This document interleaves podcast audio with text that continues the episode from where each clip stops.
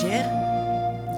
Poslušate lahko, lahko noč otroci z lahko nočnicami. Pravljice sodobnih slovenskih pravličarjev, ki jih pripovedujemo igravci. Nocoj sem z vami Jožica Avbel.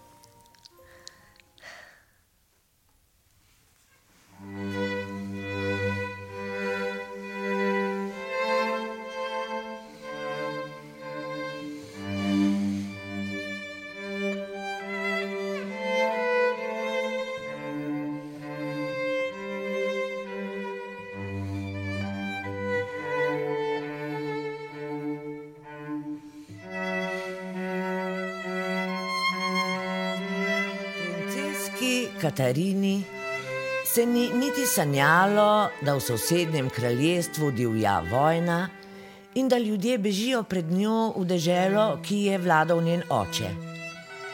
V njenem svetu je bilo vse na svojem mestu, dokler. Dokler ni princeska Katarina nekega jutra stopila v jedilnico in za svojo mizico zagledala nepoznanega otroka. To jo je tako osupnilo, da je pozabila, da bi morala najprej reči dobro jutro.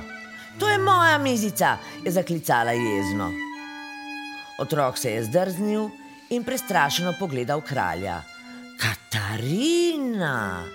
sta zgroženo v en glas vzkliknila oče kralj in mama kraljica. Že stokrat sem vama povedala, da nočem nobenega bratca, še sestrice ne, je zacepetala princeska. Saj ni bratec, je odvrnila kraljica. Kaj pa potem dela pri nas? je usorno vprašala princeska. Takoj naj gre domov k svojim staršem. Nima doma, je rekla kraljica. Nima doma? Kraljica je prikimala. In njegovi starši so pogrešani, je dodal kralj, zato bo nekaj časa pri nas. Dokler ne najdemo njegovih staršev, ga je dopolnila kraljica. Bodi prijazna z njim. Žalosten je in prestrašen in ne razume našega jezika.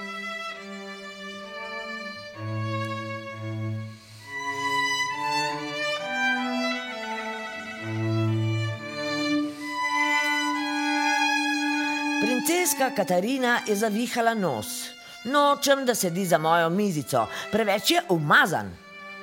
Samo bolj temne polti je, je pojasnila vzgojiteljica in učiteljica Marta, ki je stala ob strani.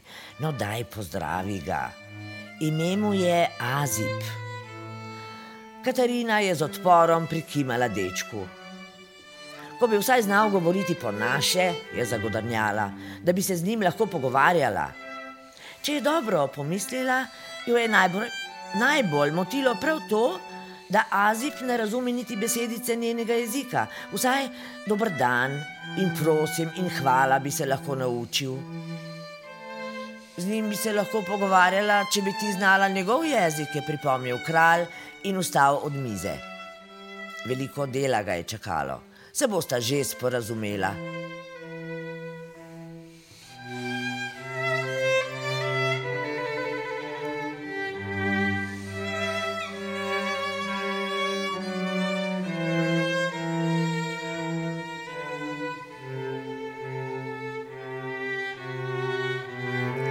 Azip se hrane ni niti dotaknil, strmel je v prazno in molčal.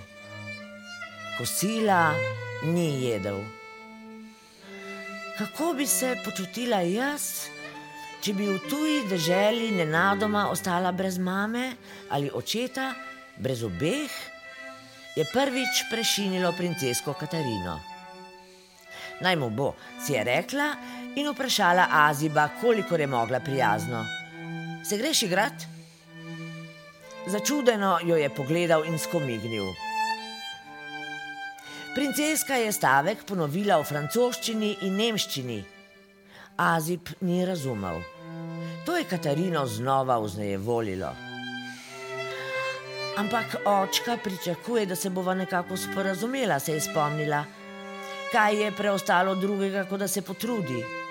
Aziba je narahlo prijela za roko in ga potegnila za seboj. Se greva žogat? ga je vprašala in v roke vzela žogo, ki jo je prejšnji dan postila ležati ob jasminovem grmu. Azib je komaj opazno prikimal. Izkazalo se je, da je odličen lovilec žog. Zvečer je pojedel prvi grižljaj. Spal bo v tvoji sobi, je rekla kraljica. O, ne, to pa ne, se je uprla Katarina. Samega bi ga bilo gotovo strah, je rekel kralj. Veliko hudega je doživel, paziti moramo na njega. Ker ima kralj vedno zadnjo besedo, je bilo tudi tokrat po njegovo.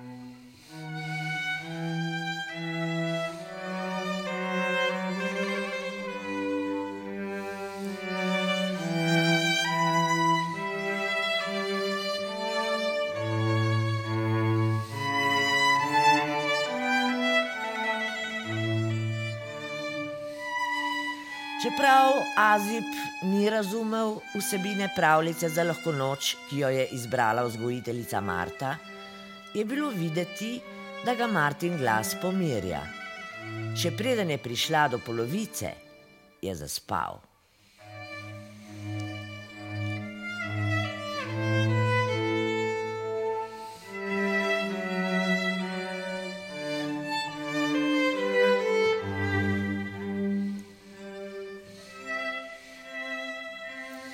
Tudi v naslednjih dneh je šel Azib princeski Katarini predvsem na živce.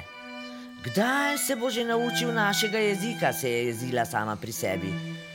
Po drugi strani si je morala priznati, da se je bolj zabavno igrati z njim kot z Marto. Našel je najbolj nenavadna skrivališča. Iz lesa je znal izdelati čudovite figurice in prelepo je pel. Princeski je z rokami pokazal ali narisal, kaj pomenijo ključne besede v pesmih. Nekaj si jih je celo zapomnila. Njegove pesmi so bile večinoma žalostne.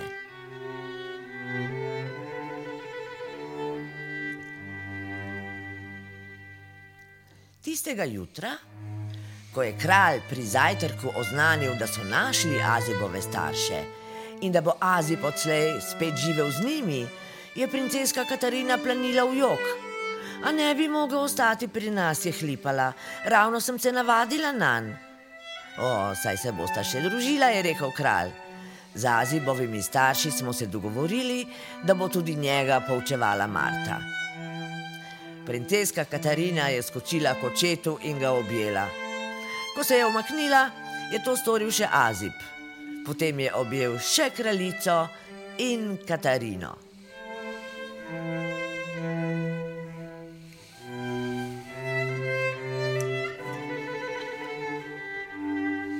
Azib že nekaj časa ne uporablja samo rok in svinčnika, kadar hoče kaj povedati. In včasih mu princeska Katarina odgovori v njegovi materinščini. Na urniku je namreč nov tuji jezik. No, tuj je za princesko Katarino. Poučuje ga prijazna gospa, ki je prav tako pobegnila iz sosednje države, kjer žal še vedno divja vojna.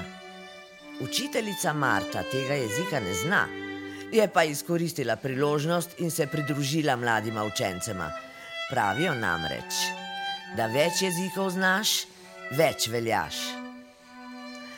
Ali se bosta Azib in Katarina nekoč poročila?